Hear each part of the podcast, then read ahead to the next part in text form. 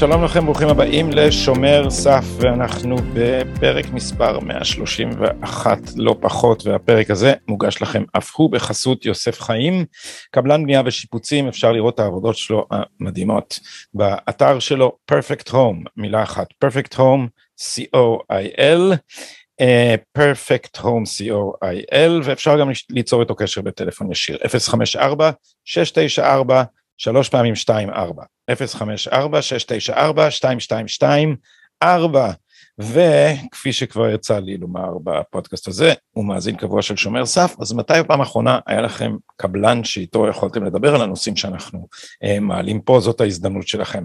ואנחנו, המטרה שלנו היא גם ליצור פה קהילה של אנשים שחושבים על הרעיונות האלה ולהרחיב אותה מחוץ להאזנה גם אל החיים עצמם. וזה מה שעושה כנס השמרנות שהתרחש בבנייני האומה בירושלים הבירה 26 למאי 2022 ובחסות קרן תקווה וגם בחסות המרכז לשלום תוך ביטחון של השגריר אה, דוד פרידמן, דיוויד פרידמן, שגריר ארה"ב בישראל, שהתארח גם בפודקאסט הזה, אם ירצה השם, בקרוב מאוד. אה, צופי ומאזיני שומרי סף יכולים לקבל כרטיס ב-50 שקלים, כל פעם אני עושה את הטעות הזאת, ב-50 שקלים הנחה באתר תקישו כנס השמרנות 2022, יש שם כפתור בצד לרכישת כרטיסים, תקישו את הקופון שומר סף S-H-O-M-E-R S-A-F כמו ששומעים, ותקבלו הנחה לכנס שיש בו כ-1,500 משתתפים, מהרו כי יש מספר מקומות מוגבל. והרי המספר הזה הוא 1,500 ופעם שעברה היו יותר, אה, היה יותר ביקוש ממקומות בכנס. והיום אה, יש לי הכבוד והעונג לארח בפרק הזה את הרב יאיר קרטמן, ראש מכון תורת המדינה, שלום לך אה, יאיר. שלום גדי, לך ולכל הצופים. לכבוד הוא לעונג, אה, ואתה עומד בראש המכון שנקרא תורת המדינה, תן לנו מושג עליו. אה, אוקיי, א', אני באמת שמח אה, גם לי, לעונג להתארח אצלך. אה, מכון תורת המדינה הוא מכון שעוסק בעיצוב מדיניות ציבורית על פי התורה. זה הטיקט שלנו. למעשה אנחנו בוחנים, לומדים תורה, מחלצים ממנה יסודות תרבותיים, מאמתים את היסודות התרבותיים עם יסודות תרבותיים מקבילים על פי רוב של תרבות מערבית הנהוגה פה במדינת ישראל, משווים ביניהם, אה, ואז מייצרים או סינכרון, או מדרג, או דוחים תרבות מפני תרבות. אה, זה השלב הראשוני בלמידה, אבל זה, לא, בעצם... לא, זה לא לצאת ידי חובה להזכיר גם את תרבות המערב כדי לומר שהיא עגלה ריקה ולהמשיך אה, להפליג על דיני התורה, או שכן, תקן אותי.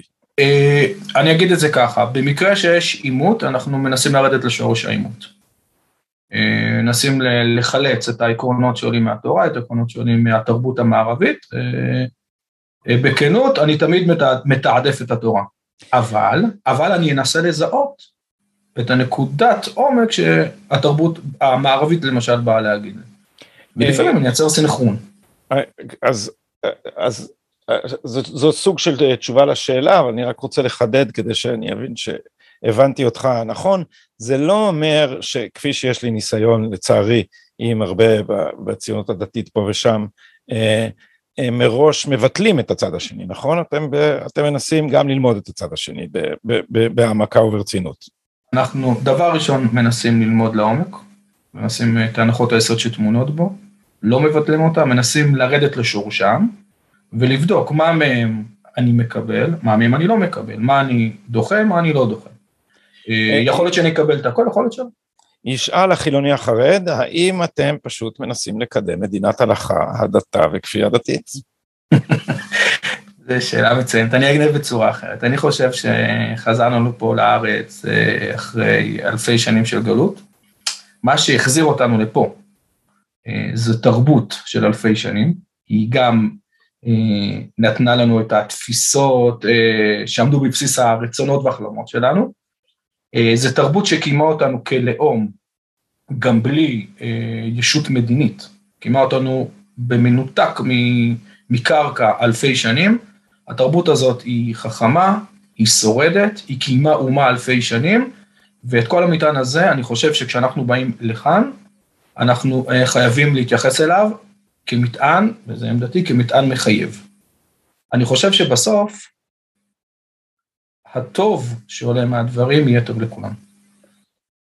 במילים אחרות, התשובה היא כן. כן. אוקיי, או, זו הייתה תשובה מאוד כנה. אז אנחנו, אנחנו לא מוצאים את עצמנו ב, ב, באותו צד אה, סביב הסוגיות האלה, אם כי... אה, רק תן לי להעיר משהו, גדי. בבקשה. מדינת הלכה היא דבר שאנחנו לא יודעים מהו. הוא לא היה קיים אלפיים שנה, אנחנו לא יודעים איך הוא נראה. אנחנו פשוט לא יודעים. אה, יש לו אה, עקבות, אה, עקבות בכל מיני ספרים, זה לא משהו שאנחנו עושים העתק הדבק. אז המונח מדינת הלכה שאליה אתה מתכוון, איננו בהכרח מדינת הלכה שאני מתכוון. אני מתכוון להגיד שהתשתית המחשבתית של המדינה תנבע מערכי הנצח של העם היהודי. אז אני אגיד לך, אני אציע לך הצעה יותר קלה לחדד את זה. האם אתה רוצה שהמצוות יהיו חוקים? האם המודל זה חוקי השריעה? אני אגיד את זה בצורה, עקרונית אני רוצה להגיע לשם, אבל אתה יודע מתי אני אגיע לשם? שאתה תסכים. אתה רוצה את זה בהסכמה, הבנתי.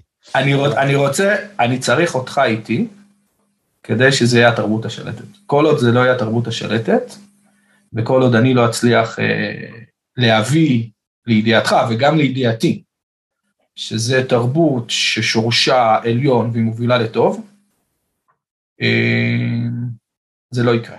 מתי זה יקרה? כשאנחנו נפתח את זה, ואתה ואני נשתכנע שזה המרכיב הטוב ביותר לנהל פה אה, מדינה ביחד. האם אני מזהה כאן מרכיב דמוקרטי, שאתה בעצם אומר, הכל ממשל בהסכמת הנמשלים, זאת אומרת, לא כפייה, אלא להפוך את חוקי הדת לחוקי המדינה בסופו של דבר, רק כשכולם יסכימו לזה.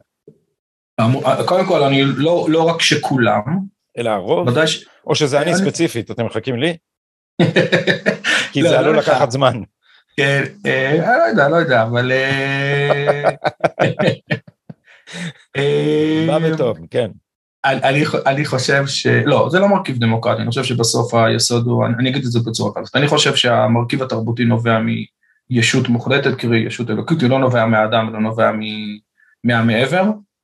אה, אני חושב שהאדם, ברגע שהתרבות שלנו תבין שהמקור למוסר, לאור, לטוב, לעתיד, לחזון, נובע מ, נקרא לזה ככה, השראה אלוקית, נבואה, קול אלוקי, אז אנחנו נגיע אה, לסיטואציה. זה לא, לא מרכיב דמוקרטי שאני מחכה, יש שלב שבו רוב העם היהודי יחליט שמקור תרבותו, המקור שממנו הוא יונק, הוא מקור אלוקי ולא מקור אנושי. זו תפיסה קוקיסטית ביסודה? כלומר, יש פה דיאלקטיקה של מעשה ידי אדם ו... אה, והקץ דוחק בנו? אני לא יודע, זה השאלה אם זה קוקיסטי או לא, אה, אני לא יכול, לא יכול, אני לא, לא, לא מתחם את עצמי בזה, אני חושב ש...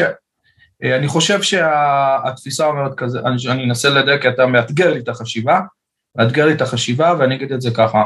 אני חושב שאנחנו מתגלגלים במציאות, וזה קשור אגב לסוגיות שאתה עוסק בהן בפוסט-מודרניזם. אני אגיד משהו חיובי על פוסט-מודרניזם, כי אנחנו מתגלגלים בשיחה, מצאת לך את המקום. מה? מצאת לך מקום לדבר בשבחי הפוסט-מודרניזם, זה עוד לא קרה לי פה, בבקשה. אז אני אגיד. אני אגיד כי לא לשם כך התכנסנו, אבל אם אני כבר מדבר איתך, אני חושב שהפוסט-מודרניזם באיזשהו מקום הוא לוקח את המודר... את ה... הייתי אומר את המוחלטות המודרנית שחשבה שהאדם ייתן פתרון ומענה לעצמו, כלומר, מי יפתור את בעיות העולם? המודרנה אמרה בגדול, האדם יפתור את בעיות העולם. הפוסט מודרנה מנסה, שוב אני לא פוסט מודרניזם, אני נלחם בו, אבל בעומק היא בעצם באה להגיד, תקשיב, האדם כשלעצמו לא בטוח הוא זה שיכול לתת את, ה, את הפתרונות לעולם, צריך אולי לחפש את זה במקום אחר. אז הפוסט מודרניזם הלך למקום שלא השכל ולא התבונה ייתנו אלא משהו אחר, והמשהו אחר הזה זה משהו מוזר שקורה לנו בפוסט מודרניזם. אבל אני חושב שבעצם רומז שיכול להיות שהתבונה לא היא זאת שתיתן את הפתרון, אלא מה שתיתן זה דווקא ההתגלות. עכשיו, ההתגלות הזאת היא בסוף מתיישבת על התבונה, אבל מקור האור ומקור העתיד ומקור החזון הוא לא בתבונה שלנו, הוא מעבר. במובן הזה, הפוסט-מודרניזם לדעתי קצת, אני אגיד בלשון אה, קצת מנפצת, הייתי אומר, את השחץ המודרני, שפתרנו, נוכל לפתור את הבעיות בעצמנו. אה, הוא מערער אותו, שוב הערעור, את הערעור הזה אני לא אוהב, אבל, אה, אבל באיזשהו מקום הוא רומז לנו העידן הלא רציונלי שאנחנו חיים בו, והלא הגיוני שאנחנו חיים בו, באיזשהו מקום אולי יחשוף אותנו לעידן על תודעתי, על שכלי, לא פחות שכלי, אלא על שכלי, לשם בעצם אני מכוון. אני אעיר הערה קצרה, כיוון שלא התכנסנו כאן כדי להתווכח על פוסט מודרניזם, ואני חושב שהפרשנות הזאת של הפוסט מודרניזם מאירה פינה מעניינת מתוך ההתנערות מן התבונה, אבל לא לוקחת בחשבון את האלמנט אה, היהיר בפוסט מודרניזם, שמניח שהכל הוא הבניה חברתית ולכן כן הכל נובע מאיתנו ותלוי בנו ובעצם לא רק שאין מעבר, בכלל גם אין מציאות. ישנה רק ההכרה האנושית וזה אה, אה, התכחשות לרעיון האמת והתכחשות אפילו לרעיון המציאות האובייקטיבית. גם אני... שם אנחנו מצויים באותו מקום בדיוק. אני, לא, אני חושב שזה המאבק שלי בהם. אני פשוט חושב שהם טועים לאיפה שהם לוקחים את זה, הם פשוט מרמזים לנו על כיוון אחר שאולי אליו צריך ללכת. בנקודה הזאת אנחנו זהים. אני חושב שאתה נותן להם יותר מדי קרדיט, אני אה, שנים רבות עמל להראות שהדבר הזה הוא בסופו של עניין שלולית רדודה. אה, אבל לא, לא, לא על זה נתווכח כאן, מעניין מה שאתה אומר, אה, אני אשמח להשמיע לך גם את דעתי בהזדמנות, כיוון שאני לצערי עוסק בדבר הדי דלוח הזה אה, יותר מדי זמן. ואני אגיד לך מה מצא חן בעיניי ברעיון של השיחה הזאת, כי אה, אה, תחת, תחת הדגל של שוויון בין המינים, התנועה הפמיניסטית הרדיקלית פנתה לדבר שאיננו שוויון בכלל, שוויון אינו מעניין אותה, היא עוסקת בפירוק, בפירוק קשרי הסולידריות היסודיים ביותר בחברה האנושית, דהיינו הורות וזוגיות, והיא עוסקת בדמוניזציה אה, כמעט גזענית, אבל זה לא גזע, אבל זו תכונה ביולוגית אחרת, של מין אחד, אה, ותחת הדגל הזה של השוויון מגדרי, שכולם מסכימים לו, לכן זה עובד כל כך טוב, בעצם זה השפיץ של פרוגרסיביות. זה השפיץ של הדקונסטרוקציה. עכשיו, למה מצא חן בעיניי השיחה הזאת? בגלל שאנחנו לא מסכימים על כל כך הרבה, ובגלל שכל כך ברור לי שיגידו, נו באמת, מצאת לך דוס שרוצה מדינת הלכה, ונו ברור שהוא גם נגד נשים, כי הוא חשוך, כי הוא זה, כי הוא זה. אז דווקא, אני אומר, בדבר הזה קראתי אה, אה, כמה דברים על הנושא שעליו התכנסנו לדבר, שהוא אמנת איסטנבול, ואני אה, משוכנע שבעניין הזה עמדותיך אה, צודקות, גם בעיניו של החילוני. ועל כן, מאחר שאתה עוסק בזה בצורה אה, מעמיקה, התכנסנו כדי לברר גם את גבולות ההסכמה וגם לבאר לי, לצופים, מה בעצם כל כך רע באמנה שעל פניו אומרת שאנחנו חותמים על, על, על אמנה נגד אלימות כלפי נשים, הרי מי בעד אלימות כלפי נשים? גם מי שמכה נשים לא יצהיר לעולם שהוא בעד אלימות אה, נגד נשים, אה, אז, אז, אז מה רע באמנה הזאת? אמנת איסטנבול שמקדמים אותה עכשיו, יאיר לפיד כמובן, נער הפוסטר של, ה, של הפרוגרסיביות, וגדעון סער, האחוז, איך אני אומר בעדינות, בגרונו. אה, אה אז בוא תסביר לנו מה, מה רע באמנה הזאת. אני אולי אפתח, אה, גדי, קודם כל, מה זה אמנה? נתחיל... אה, בבקשה. אמנת הסתלמות באופן עקרוני, באופן רשמי עוסקת ב... הנושא שלה זה אלימות נגד נשים. אה, קודם כל, מי שכתב את האמנה זה מועצת אירופה, שזה דרג נמוך יותר מאשר האיחוד האירופי. הצטרפו אליה קרוב ל-40 מדינות, לא כולם אשררו את, את, ה, את השלב השני של ההצטרפות, 2014 נכנסה לתוקף. הכותרת שלה זה אה, אלימות נגד נשים, ואני עוד שנייה אני אגע במה באמת היסוד שאנחנו מזהים שם, ופה אני מעריך שאנחנו באמת נגיע להבנה. למה זה משנה לנו אמנה? בואו נתחיל מזה. אמנה היא בעצם סט של, סט של אה, הצהרת כוונות, שבסופו של דבר מדינת ישראל מתחייבת להתאים את החוק שלה לכתוב באמנה.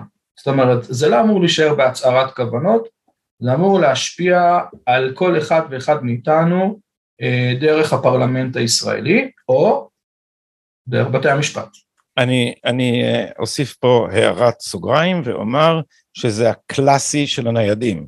כפי שטענתי בהרחבה בספרי הנודע, ניידים ונייחים, חלק מהאמצעים של האליטה הפרוגרסיבית הבינלאומית, שניידי כל המדינות, כל הארצות התאחדו, חלק מהאמצעים שלהם זה הכפפת, המלחמה שלהם בלאומיות ובדמוקרטיה מתנהלת על ידי הכפפת החוק הריבוני של המדינה אה, לאמנות בינלאומיות ולסו קולד חוק הבינלאומי. זה, מה, מה מדובר? מדובר על זה שמרוקנים את, ה, את מדינת הלאום הדמוקרטית מתוכן על ידי זה שמעבירים את כוח ההחלטה מהמוסדות הנבחרים של המדינה לארגונים בינלאומיים שבהם שולטת האליטה הבינלאומית הזאת. כן. אני, אני, אני אחזק את הדברים שלך. Uh, מי שמקדם את הארגון בארץ uh, זה מרכז רקמן מבר אילן. וזו שיטת עבודה. האוניברסיטה הפרוגרסיבית ביקום, כן, ב- בישראל.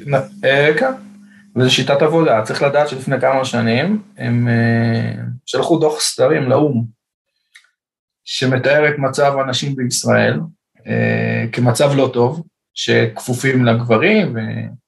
והדוח הזה בעצם חזר אחורה למדינת ישראל, ומועצת זכויות האדם בעצם התפלאה על מדינת ישראל, איך יכול להיות שהמצב הוא כזה, זה שיטת עבודה, זה לקחת, אה, לקחת את המוסדות הבינלאומיים, לתת להם מידע כדי להכפיף אותנו, ופה זה כבר השיא של הדבר, להכפיף בעצם את כל החקיקה שלנו אה, למוסדות בינלאומיים, בנקודה הזאת אני מסכים איתך במאה אחוז. ורק שנבהיר גם את ההבדלים בינינו, מה אה, השקפתך על שוויון בין המינים? אני, אחרי שאמרנו שהאמנה רק לכאורה מקדמת את זה, נדמה לי שחלק מ... אלה שמקדמות את האמנה מודות שזה לא תמיד מאוד אפקטיבי בקידום הדברים שעליהם מדובר, אבל מה עמדתך בעניין הזה?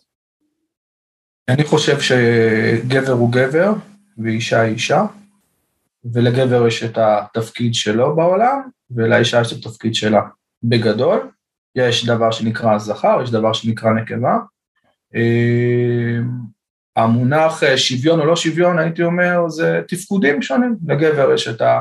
אני אגיד לך יותר מזה, גדי, בתורה, הקדוש ברוך הוא, כן, האלוקים, מוגדר כדוד, זכר, ועם ישראל מוגדר כראיה. שיר השירים שאומרים אנשים ערב שבת, אה, אז דוד וראיה, קרי בעל ואישה. הקדוש ברוך הוא ועם ישראל הם כמו, הם כמו זוג, זאת אומרת המונח של אה, בלשון של יותר פנימיות, זה זכר, דוכרא ונוקבה.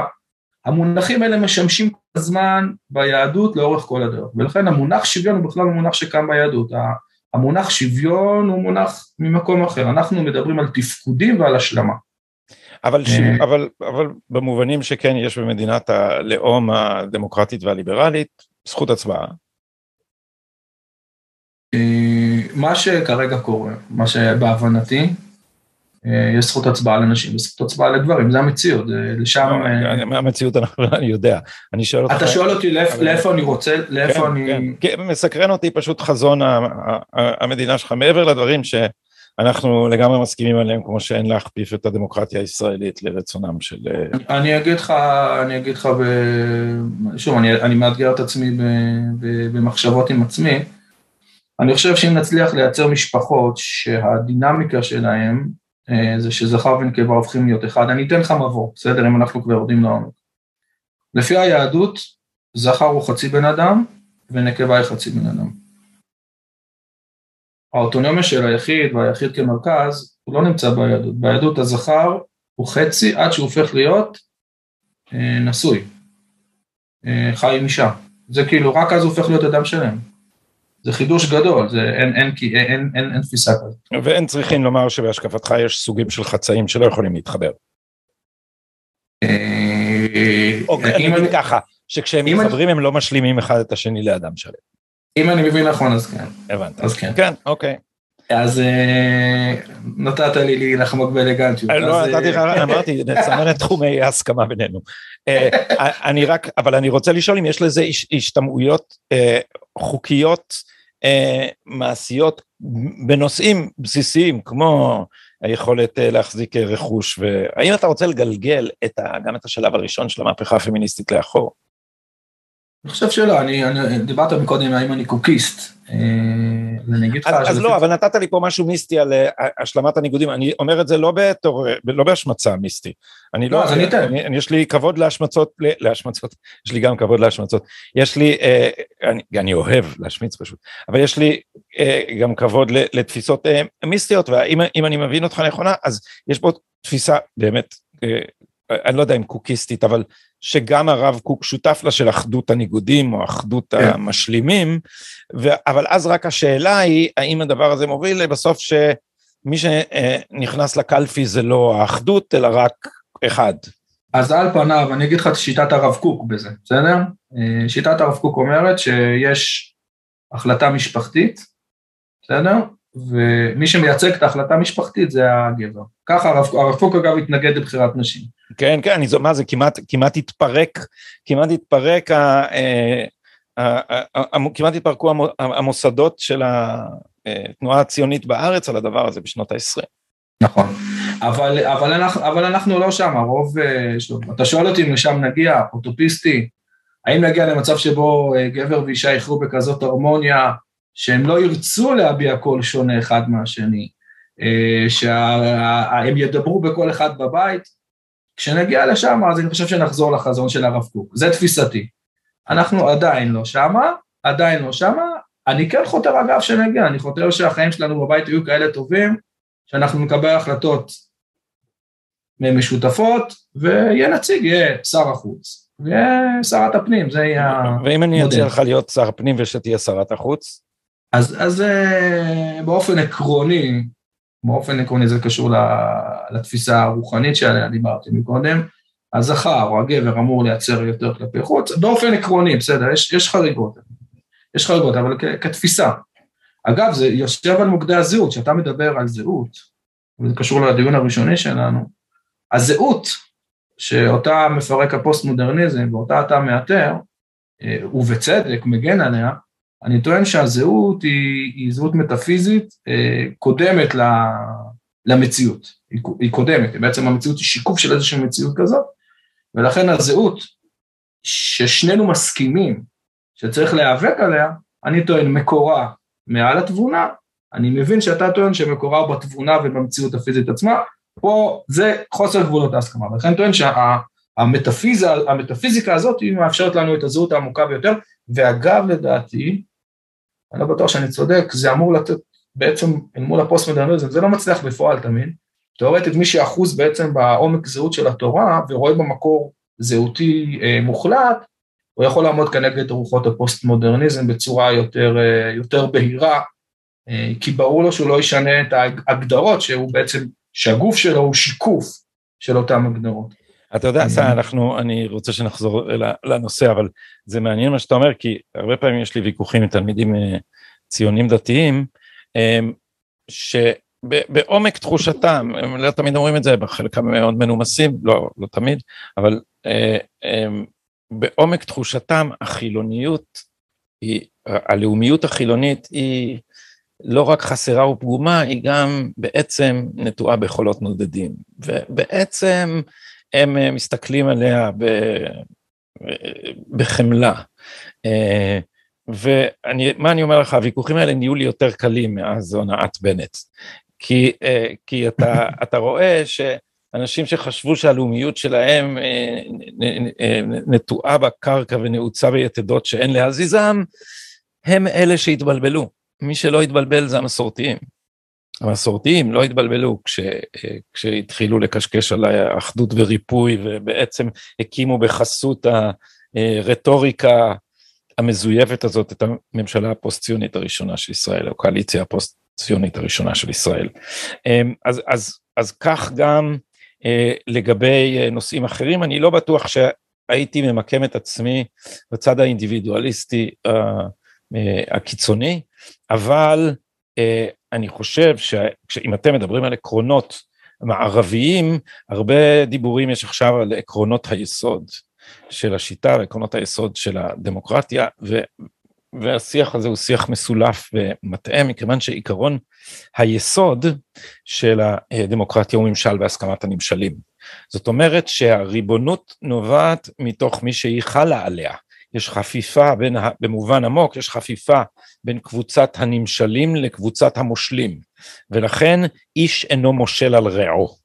עכשיו אנחנו מדברים במונחים שחלקם מיסטיים, אני לא בטוח שנוכל לתרגם את המונחים שלי והמונחים שלך, אבל אני, אני לא הייתי אה, בקלות עושה רדוקציה של עמדתי לזה שהיא על פי התבונה, הייתי אומר שהיא על פי ההסכמה, ולכן שלשני בני הזוג צריך להיות אה, מדרך שווה כדי להגיע להסכמה הזאת, וזה הדבר שאני אה, הייתי שמח אם הפמיניזם היה מתמיד בו, והוא הרעיון של אה, רעיונות היסוד של החירות והשוויון בתוך הקשר של זהות משותפת. אה, האם אני אתאר את דבריך נכון אם אומר שעל איזה סקאלה של בין היחיד לבין הכלל, אתה נותן דגש יותר גדול לאחדות השלמה. כן, אני חושב שכן, אני חושב ש... אגב, אני, אני אומר, עמדתי איננה העמדה היחידה, יש, אני אתייחס למה שאמרת, יש מפליגים, יש אה, מדרש שאומר ש... שבתחילת הדרך של העולם, הנשיות והגבריות ניהלו ביניהם דיאלוג, והנשיות אמרה, רגע, אז מי, מי יוביל? מי, אי אפשר ששנינו נוביל, מישהו צריך להוביל. ואז המדרש אומר שהקדוש ברוך אמר, אה, אם שאלת אה, מי יוביל, אז את לא תובילי, מי שיוביל זה, ה... אה, זה הזכר. בלשון של אותו מדרש זה שמש וירח, בגדול. ויש מדרש משלים שאומר שלעתיד לבוא, שיכול להיות שזה העידן שלנו, כתוב שהלבנה תהפוך להיות כמו השמש מבחינת האפיונים שלה. אז גם בתוך עולם התורה יש עמדתי, עמדה שלי, יש, יש עמדות שאומרות שכיוון שבעצם ה... הלבנה שהרבה שנים הייתה לא ניזונת מהשמש, היא בעצם תהפוך להיות חזרה לסוג של שמש, זה קצת יותר קרוב לחזון יותר של אה, פמיניזם במובנים רכים שעליהם אתה מדבר. זה בתוך עולם, ה, עולם התורה יש אה, מחלוקת בדבר הזה. אני, יש לי גישה מסוימת, אבל יש גם גישות שבמובן הזה יותר יכול, יותר להסתדר עם הדברים שאתה אה, אה, מתאר אותם, אבל אני באמת חושב שהמודל הראשוני של אחדות הוא, הוא המודל היותר מרכזי. אבל שנינו צריכים להתנגד לפי דעתך לאמנת איסטנבול, גם על סמך ההנחות שלי וגם על סמך ההנחות שלך. למה אדם לא דתי כמוני צריך להתנגד לאמנה הזאת? אני, אני אגיד את זה בכמה מובנים. אמרנו, אמרנו שהריבונות עוברת, זה דבר שאני חושב ברור למאזיני הפודקאסט הזה, שהריבונות אה, נגזלת ועוברת לגופים בינלאומיים, אבל יש גם דברים יותר קונקרטיים כן, שמאיימים עלינו באופן ממשי. בדיוק, אז אני אגע בכמה דברים. אחד, אה, הנחת יסוד של העבודה, של האמנה הזאת, היא הנחת יסוד של מלחמת ארמנים ברמה הכי הכי אה, ראשונית. הטיעון המרכזי שביחס לאמנה, שלא רק שהיא לא תוריד אלימות, היא תגביר אלימות, ואני אסביר. אם אתה לוקח נגיד את המערכת הזוגית, אה, אשר תהיה התפיסה, אתה יכול לתאר אותה כמקום מלא התכתשויות תמידיות, ואתה יכול לתאר אותה כמקום שבו שני אנשים שואפים לאיזשהו ביחד מסוים. וזה תלוי בתפיסת עולם, קרי, האם המערכת הזוגית היא רעה כל עוד לא הוכח אחרת, או היא טובה כל עוד לא הוכח אחרת. ביותר קטן, האם הגבר הוא רע כל עוד לא הוכח אחרת, או שבאופן בסיסי בני אדם הם טובים, אלא אם כן, התגלה ביניהם, אה, התגלה שמישהו מהם אותו, ראה אותו. התפיסה הבסיסית של האמנה, כמו שהיא מופיעה במבוא שלה, היא האחד, משפחה, היא מקום שבו מתרחשת מלחמה תמידית בין גברים לנשים. אין, אין מקום, אין מקום שבו זה לא מתרחש, וב' שבתוך המלחמה הזאת יש צד רע וצד טוב, או צד מקרבן וצד, אה, וצד קורבני, והצד המקרבן הוא הגבר, והצד המקורבן זה האישה. זה עומד בבסיס, ה, אה, בבסיס התפיסה אני חושב שאם אתה לוקח את התפיסה הזאת לתוך משפחה, תוסיף לזה התערבות של מדינה אה, בכל, בכל דבר שזז, בתוך התא המשפחתי, הובלת לתוצאה של פירוק משפחות, של עימות תמידי, אה, של מריבות אינסופיות, זה, זה, זה דבר ראשון. אני אתן שאולי, שמעת על המונח, אני מקווה שאני אומר אותו נכון, על המונח femicide, כמו... כן, רצח, genocide נגד נשים. בדיוק, עכשיו זה מונח שאמרה אותו דיאנה ראסל, אני חושב, ב-1975, היא המציאה את המוז... עכשיו, כשאתה חושב על זה רגע, תראה, אלימות כולם מתנגדים, בסדר? לא צריך להרביץ, זה דבר רע. זה רע שגבר מרביץ לאישה, זה רע שאישה מרביצה לגבר, וזה רע שמרביצים לילדים, זה לא טוב, אף אחד לא רוצה. רוצים שבבית יהיה מקום של אהבה, אחווה, שלום ואמרות, זה מה שרוצים. ולפעמים יש נשים שנפגעות, אגב לפעמים יש גם גברים שנפגעים, אנחנו בשנים האחרונות זה מתחיל, מתחיל לצוץ, דבר, תופעה שהייתה עלומה. אף אחד לא רוצה שילכו בבית מכות, בוודאי שלא. אבל אם אתה מתייחס, אתה משווה, הרי הלשון הזאת היא מזכירה רצח עם. זאת אומרת שבסיס התפיסה של למשל אישה שנפגעת, היא נפגעת כי איזשהו תכנון, תכנון שיטתי של הגברים לרצוע נחשים, זה, זה, זה הכל. אם זה מרכיב את האמנה, זה אומר שהתפיסה שהמדינה נכנסת ל... אני אתן משל, זה כמו להיכנס לתוך משפחה עם פטיש חמש, במקום עם פינצטה, ולפתור בעיות. וזה דבר שלא קשור לתפיסתך, אמונתך. אדם רוצה שהמשפחה תהיה מקום X, ואם המדינה מתייחסת כמקום רע, ולשם היא הולכת, זה פשוט יפרק אותנו כחברה. זה, זה מה שרוצה מרב מיכאלי, זה מה שנמצא מאחורי האמירות שלה, שהמשפחה זה מקום מסוכן לילדים וכדומה, אבל אולי אני, לסבר את אוזנך, אולי אתה מכיר את הדבר הזה, אבל את התפיסה הזאת פיתחה אה, נעמי וולף בספרה מיתוס היופי, אה, שבו היא בעצם טענה שגברים, היא, בהקדמה לספר הזה באופן ממש מצחיק כמעט, אומרת, אה, כאילו לנושא הכבד, אומרת, אה, שהיא לא רוצה להשוות את רצח הנשים לשואת יהודי אירופה, אבל זה דומה. ו, ולטענתה, גברים רוצחים נשים באמצעות אידיאל היופי הרזה, שדוחף אותם לאנורקסיה, ובסופו של דבר למוות. ועל כן, היא אמרה, אה, אה, אה, נדמה לי שהמספר היה אה, 150 אלף, היא כתבה, נשים מתות מאנורקסיה בשנה בארצות הברית, שזה באמת נתון מחריד ביותר ומזל שהוא לא נכון. שמספר הנשים שמתות מאנורקסיה בארצות הברית הגדולה, 330 מיליון בני אדם, הוא 400, לא 400 אלף, 400. עכשיו, מה בין 400 ל-150 אלף? ובכן, נעמי וולף ביססה את כל התיאוריה שלה על קומוניקט. של האגודה האמריקאית לאנורקסיה ובולמיה, בחתימת ידה של ראש האגודה, דוקטור, נדמה לי מייקי, שמה קת'רין מייקי, שבו היא טענה שיש 150 אלף מקרים של הפרעות אכילה, לא מקרי מוות, יש 150 אלף מקרים של אה, הפרעות אכילה, אבל איכשהו במוחה של נעמי קליין, של נעמי וולף, סליחה, זה היה הגיוני שגברים, האינטרס שלהם זה להרוג נשים, כדי, כי משום שהתפיסה הזאת היא תפיסת סכום אפס, אז זה בעצם תפיסה שאין בה, בה ולא יכולה להיות בה אה, השלמה, כל מה שהגבר מרוויח האישה מפסידה, ולכן היא מגיעה בסופו של דבר למקבילה המגדרית אה, של לא רק של מלחמה אלא גם של ג'נוסייד. אני מסכים עם כל מילה שאתה אומר, אגב זה המשיך גם לילדים, זה לא, אני לא רוצה, לי, זה המשיך לה, להבנה שלאנשים, בעצם ה, לא אידיאל היופי, אלא אידיאל האימהות, גם הוא הבניה גברית, קרי הזיקה שנוצרת בין אה, אישה לילדיה, הרכות, היא בעצם הבניה גברית כדי לייצר את התלות. בגבר, הגברים הסלילו את הנשים להיות אימהיות, כי זה מחייב אותם לדאוג לילדיהם, וזה מחייב אותם להיות תלויות בגבר, וזה יצא מגמות אחרות אה, בחוק... תפיסה אנטי-הורית, פשוט תפיסה ש, שמטרתה ליירט את ההורות. יפה מאוד, ואותה מרב מיכאלי שעליה דיברת, היא קידמה חוק לפני כמה שנים שאותו גם בלמנו, ונקרא חוק הורים וילדיהם ולהרחיב בו, שבעצם לוקח את הילדים, הופך אותם להיות ישויות נפרדות מההורים. אם ההורים על פי החוק היום זה אפוטרופסים טבעיים של הילד, קרי, הם המייצגים הטבעיים, הרגעים שלו, אז מרב מיכאלי בחוק הורים וילדיהם רצתה לקדם אה, את העיקרון שהילד הוא ישות נפרד, נפרדת בפני עצמה, ההורים אינם המייצגים האולטימטיביים שלו. ולכן צריך להפריד אותו. אז זה הגיע גם לשם. אני רוצה לחזור, אז כשזו התפיסה, עכשיו איך אני יודע שזאת התפיסה?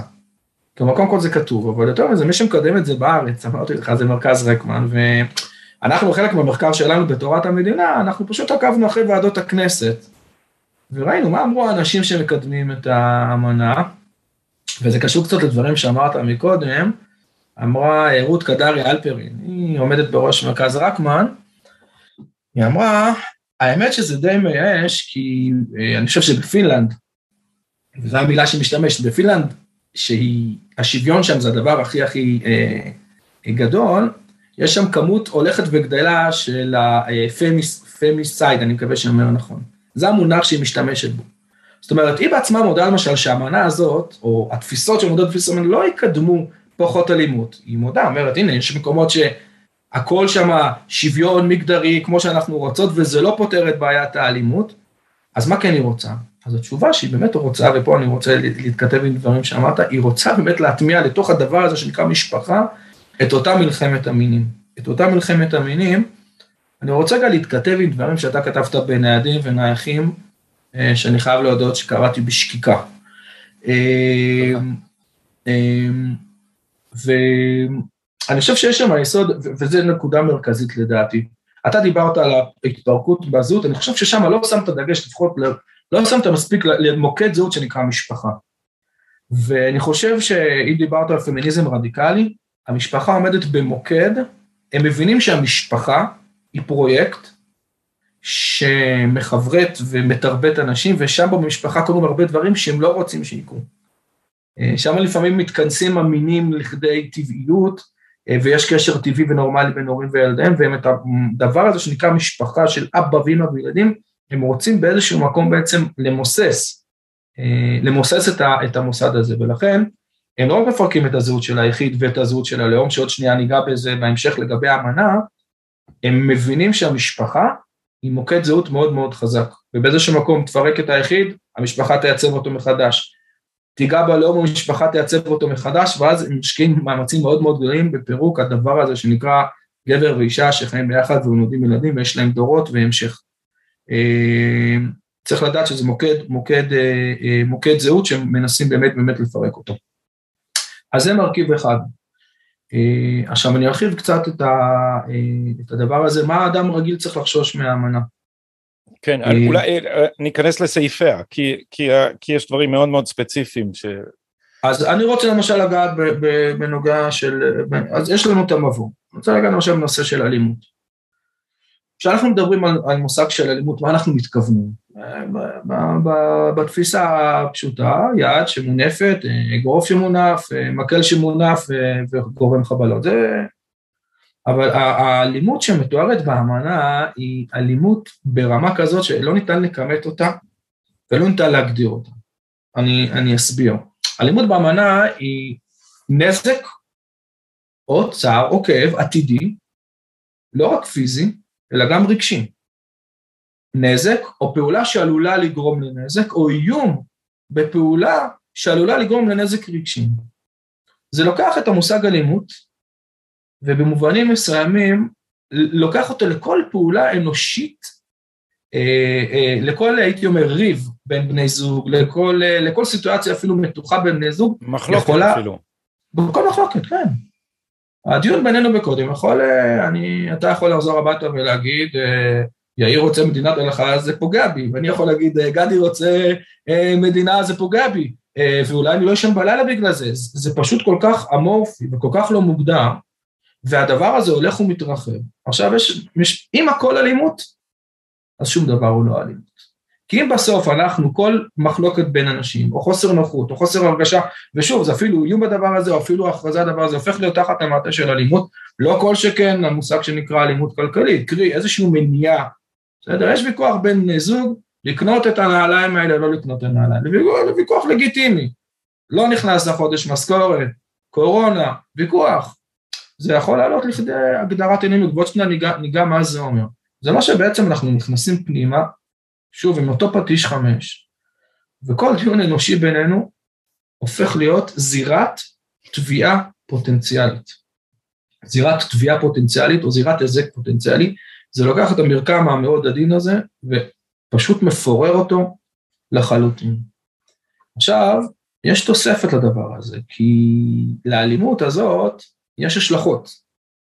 זאת אומרת, אני אגע כבר ב, בסעיף נוסף, אה, בסעיף נוסף של האמנה זה ההשלכה למשל של, אה, או רגע, ניגע בעוד נקודה, בסדר? אלימות, אלימות מגדרית באמנה היא רק של גבר כלפי אישה. יש במבוא לאמנה, יש במבוא לאמנה בהכרה שאלימות היא גם כלפי גברים, אבל באמנה מופיע בסעיף אחר שהאמנה תשים דגש על אלימות של גברים כנגד נשים.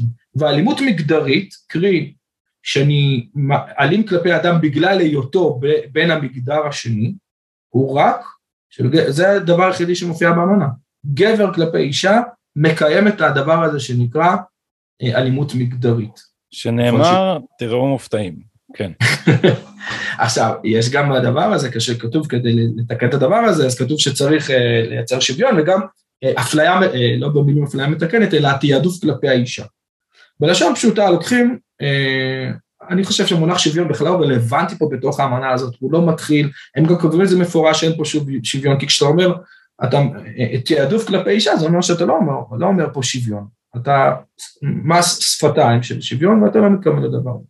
אז דיברנו על בעצם הרחבת האלימות לכל מרכיב משפטי, כשיש עורך דין צמוד בעצם לכל, לכל פעולה כזאת, ההשלכות הן גדולות, ואני רוצה לגעת בדבר שגם קשור למשל בנושא של גירושים. נושא של גירושים, יש דבר שנקרא הסדרי ראייה. הסדרי ראייה זה אומר גבר ואישה לא הסתדרו נפרדו, בסדר, יש ילדים. מה עושים? יש נתון מפתיע גם במדינת ישראל, רוב האבות הם אנשים נורמטיביים, לא אלימים ולא מסוכנים, הרבה מהם פתאום הופכים להיות אלימים ומסוכנים אחרי גירושים. זה משהו מפתיע. אה, אה, צריכים מרכזי קשר, אה, ועובדות סוציאלית פתאום אומרות להם שהם מסוכנים לילדים, הם, כן, אבות שגדלו בבית, שגידלו את ילדיהם בבית, הופכים להיות פתאום לא רואים לגדל את ילדיהם. אז האמנה הזאת בעצם, יש, יש אפליה, אנחנו, כל מי שהוא לא אידיאולוג ו, ו, ו, ומסתכל על הדברים בעיניים פקוחות, יודע שבחסות הרטוריקה הפמיניסטית יש אפליה ממוסדת נגד גברים בתחום ההורות. לא רק חוקית באופן מפורש כמו בחזקת הגיל הרך, אלא גם כל מי שנכנס לתוך המערכת הזאת. היא לא במקרה גברים אה, גרושים מתאבדים במספרים אה, משוגעים.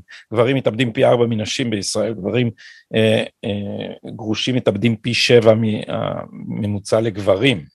זאת אומרת במספרים ממש אה, מחרידים, אה, אבל המערכת אה, אדישה לסבל הזה, ובעצם האמנה הולכת לחזק אותו. אבל מאחר שזמננו מתקצר, יאיר, והדברים שאתה אומר הם, הם, הם, הם, הם חושפים איך באמצעות רטוריקה שכולה נשמעת כוונות טובות, בעצם מניחים תשתית לאידיאולוגיה שביסודה יש מיזנדריה, שנאת גברים ואיזה תחושה, אתה יודע, אני לא, לא יודע אם עקבת אחרי פרשת כולן וההטרדה המינית בארגון הפמיניסטי הקיצוני הזה, תסתכל בטוויטר, זה מאוד מעניין, כי מישהי מראשי העמותה שם אה, אה, נתפסה כשהיא אה, מטרידה מינית את אחת המתנדבות, שהן כנראה בנות נוער בכלל.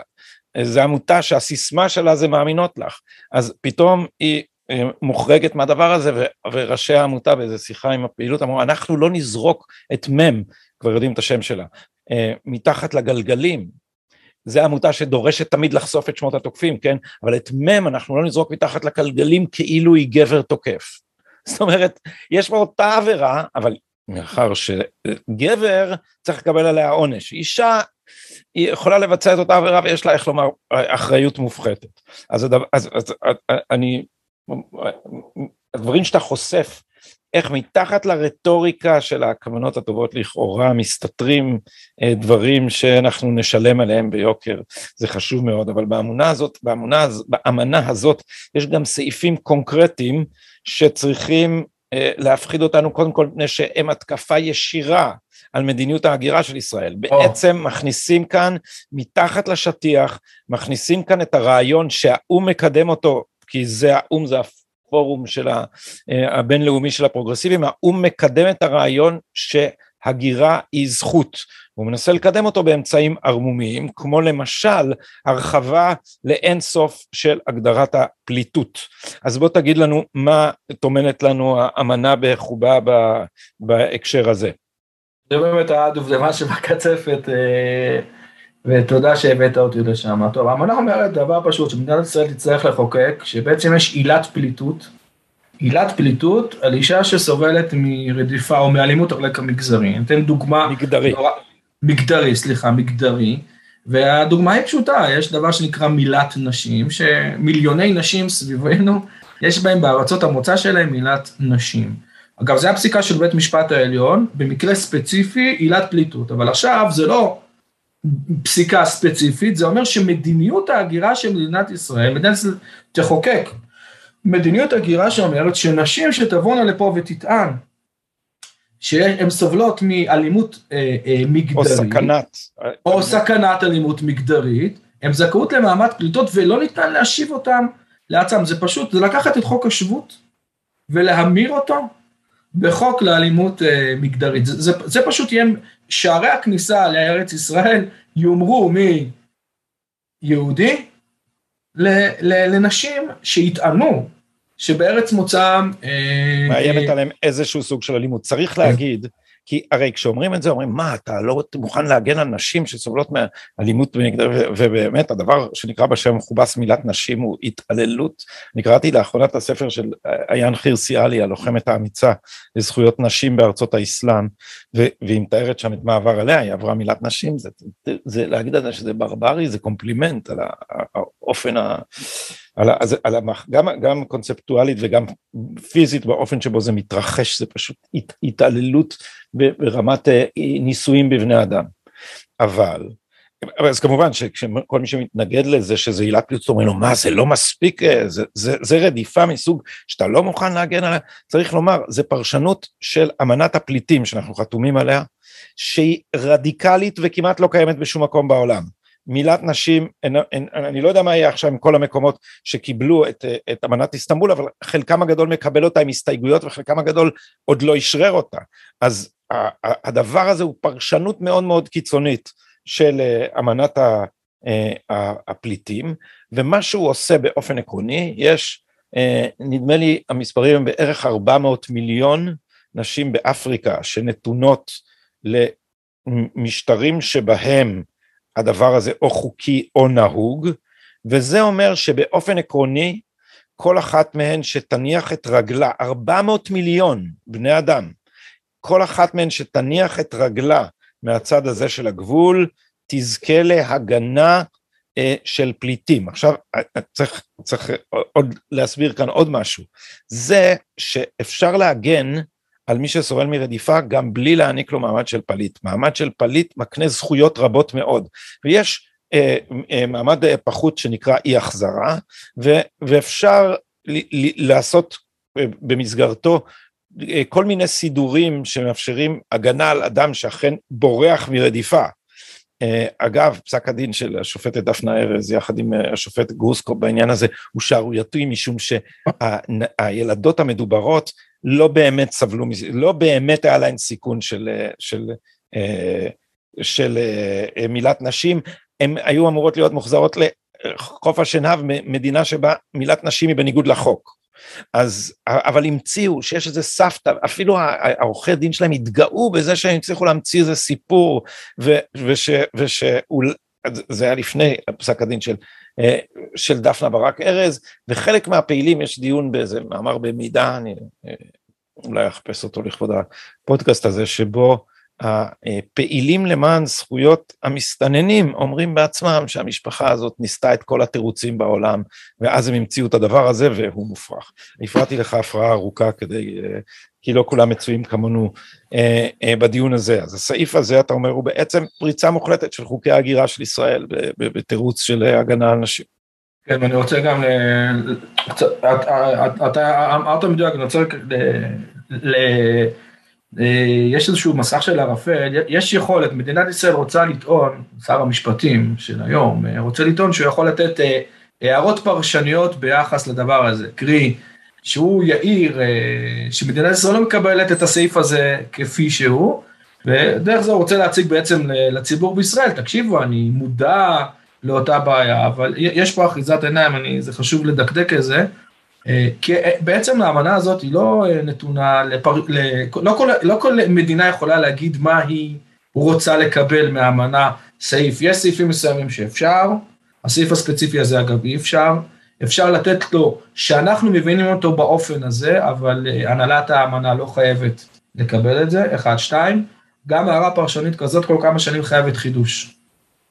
וג', בית המשפט לא בטוח יתחשב בהערה הפרשנית של פקיד במשרד המשפטים ויגיד, חתמתם על האמנה, בסעיף 60 לאמנה מופיע אה, שצריך, אה, אה, שרדיפה, או לא רדיפה אפילו, אלימות על רקע מגדרי היא עילה לפליטות, אז אנחנו מקבלים את אותם אה, אלפים, עשרות אלפים או מאות אלפים. זאת אומרת, בעצם הניסיון של משרד המשפטים הוא קצת חול, אה, זורך חול בעינינו, הוא לא יכול להימלט מהשלכה של uh, המרכיב הזה.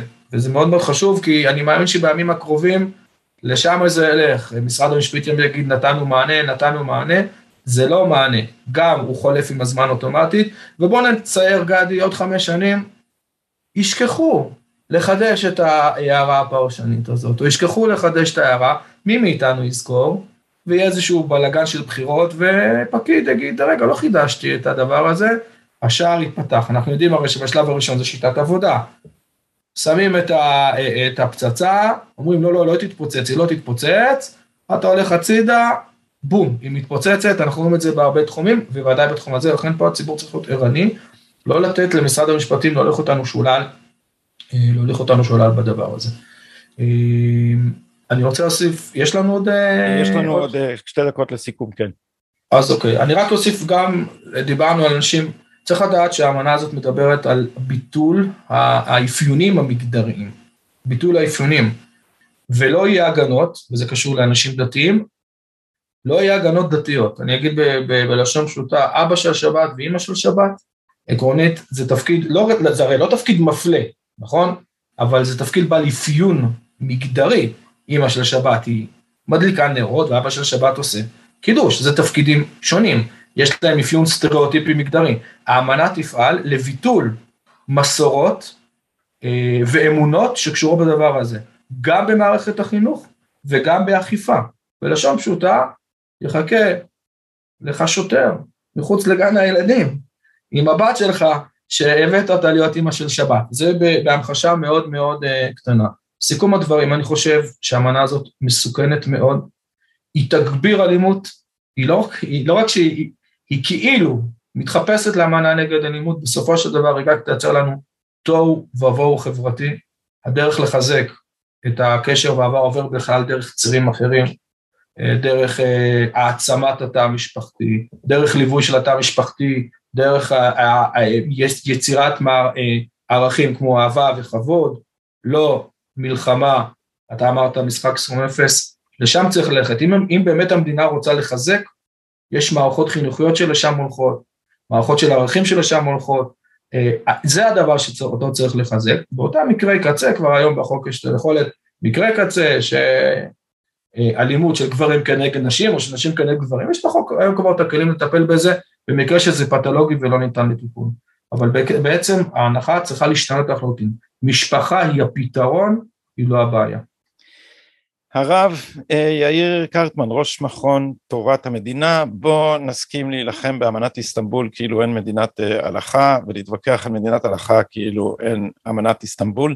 היה אה, תענוג אה, לשוחח איתך ובאמת אתם בין היחידים שמאירים אה, היום את אה, תשומת הלב של הציבור הישראלי לזה שגם דברים שחילוני לאומי ומסורתי רואה בהם אה, לא רוצה להגיד ייהרג ובל יעבור, הפגיעה מהותית בערכיו ובזהותו, את הדברים האלה מוכרת לנו ממשלת הפיגולים הזאת תחת אה, כל מיני אה, שיטות של הונאה. היה אה, תענוג לשוחח איתך ואנחנו נעקוב אחרי עניין אה, אמנת איסטנבול. ערב תודה רבה גדי. לעונג לי, תודה רבה, לילה טוב. לילה טוב. נהיית. פרק 129 של שומר סף הוגש לכם בחסות יוסף חיים, קבלן בנייה ושיפוצים.